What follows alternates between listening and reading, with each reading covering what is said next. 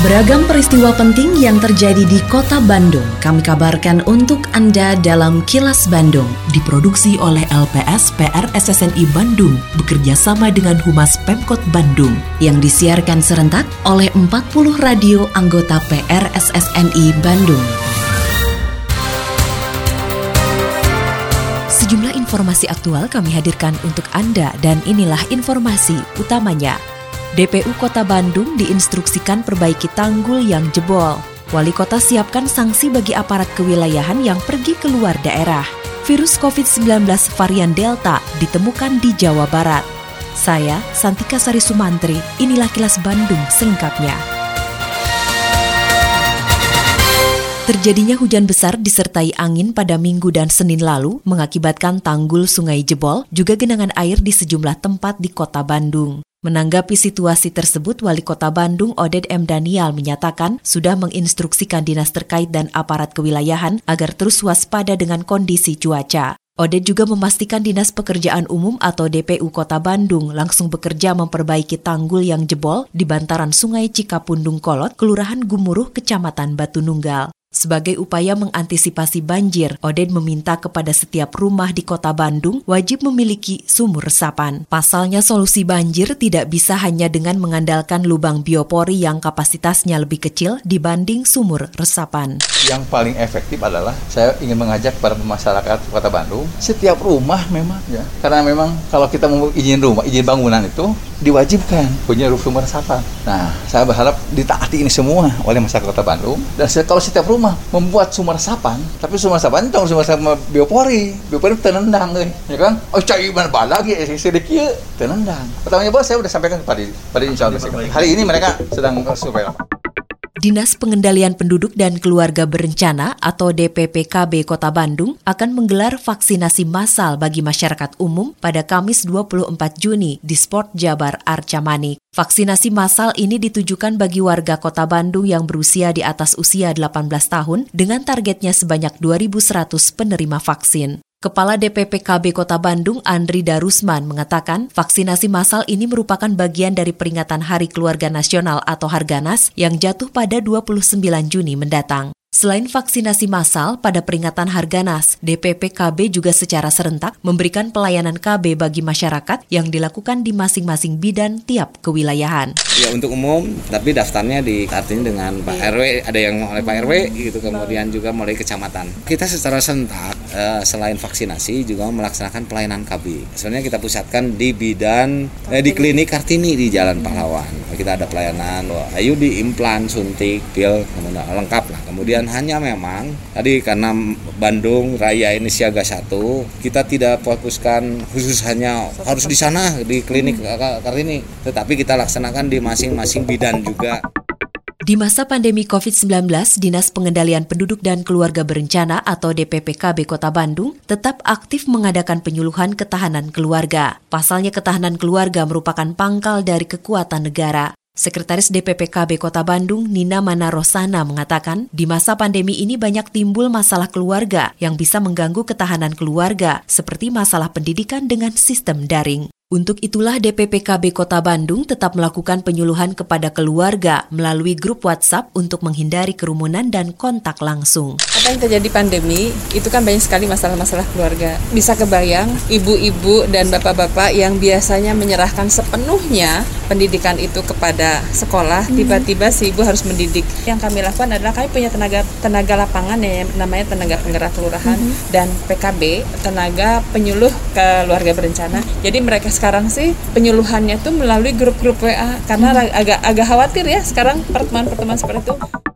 Wali Kota Bandung Oded M. Daniel memastikan memberi sanksi kepada aparat kewilayahan yang melakukan perjalanan keluar daerah. Oded menegaskan sudah menginstruksikan kepada Sekretaris Daerah Kota Bandung Emma Sumarna agar segera memproses sanksi tersebut, termasuk menetapkan bentuk sanksinya. Odin menyayangkan masih ada aparat kewilayahan yang bepergian keluar daerah di tengah terjadinya lonjakan kasus COVID-19. Padahal ia sudah menandatangani peraturan wali kota atau perwal terkait penerapan pembatasan kegiatan masyarakat atau PPKM. Salah satunya mengatur tentang larangan bagi ASN melakukan perjalanan dinas keluar kota. Saya sudah instruksikan ke Pak Sekda agar Pak Sekda memprogres kebijakan saya harus diberi sanksi mereka. Minimal sanksinya indisipliner. Nanti bentuk sanksinya Pak Emas sedang dibahas Pak Emas sendiri. Karena kan jenderalnya Pak Emas ya. Pak Emas sedang membahas kira-kira apa yang akan diberikan. Ya, Tapi yang jelas dari saya itu harus diberi sanksi. Sangat menyayangkan saya. Saya saya sangat prihatin menurut saya. Robo saya tata tangan, mereka hari ini, aduh, barang pisan. Ampun.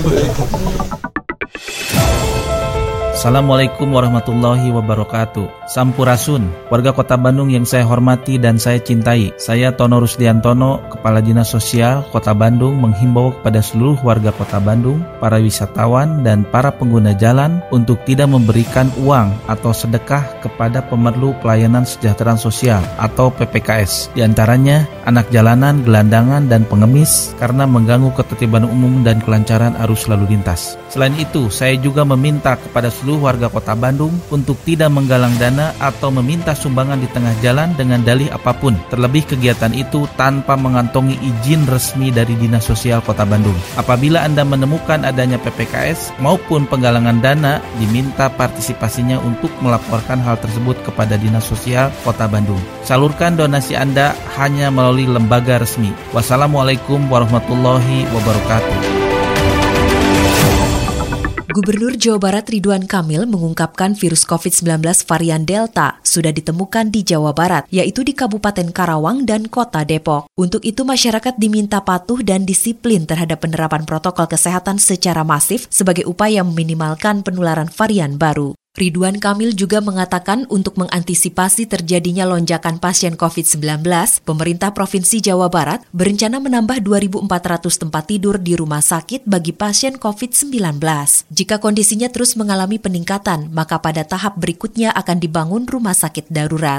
Varian Delta sudah hadir di Jawa Barat, ini menandakan kita harus tetap waspada, hadir di Karawang dan hadir di Kota Depok berdasarkan kajian genome sequencing yang dilakukan dilakukan oleh Labkesda dan ITB sehingga menandakan varian ini penularannya akan lebih cepat dari varian sebelumnya.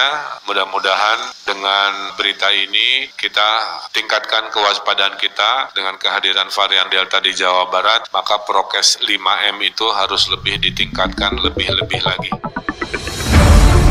Kini, audio podcast siaran Kilas Bandung dan berbagai informasi menarik lainnya bisa Anda akses di laman kilasbandungnews.com.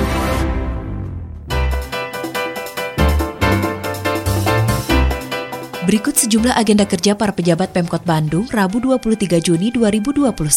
Wali Kota Oded M. Daniel memberikan sambutan secara virtual pada penilaian posyandu aktif dan rumah tangga ber-PHBS Kelurahan Hussein Sastra Negara, Kecamatan Cicendo. Sedangkan Wakil Wali Kota Yana Mulyana memberikan sambutan pada acara workshop bahaya asbes dan pengendalian resiko paparannya. Selain agenda kerja para pejabat Pemkot Bandung, informasi dari Humas Kota Bandung, yaitu Wali Kota Bandung Odet M. Daniel, mengapresiasi acara job fair online yang digelar Dinas Tenaga Kerja atau Disnaker Kota Bandung dan kalangan perusahaan yang berkolaborasi. Sebanyak 30 perusahaan mengikuti job fair yang berlangsung secara online pada 22 dan 23 Juni ini. Odet mengatakan dalam upaya mengurangi angka pengangguran, ia sudah meminta kepada Disnaker dan pihak terkait untuk memberikan berbagai pelatihan bisa meningkatkan kapasitas dan kompetensi warga kota Bandung. Oded mengakui terjadi kenaikan angka pengangguran di kota Bandung sejak pandemi COVID-19. Berdasarkan data Badan Pusat Statistik Kota Bandung, akibat pandemi, jumlah pengangguran di kota Bandung naik sebanyak 3 persen. Demikian agenda kerja para pejabat Pemkot Bandung dan info aktual yang diterima redaksi LPS PR SSNI Bandung dari Humas Pemkot Bandung. Tetap patuhi protokol kesehatan di masa adaptasi kebiasaan baru untuk memutus penyebaran COVID-19. Selalu memakai masker, mencuci tangan, menjaga jarak dan menghindari kerumunan, serta mengurangi mobilitas agar terhindar dari terpapar virus corona.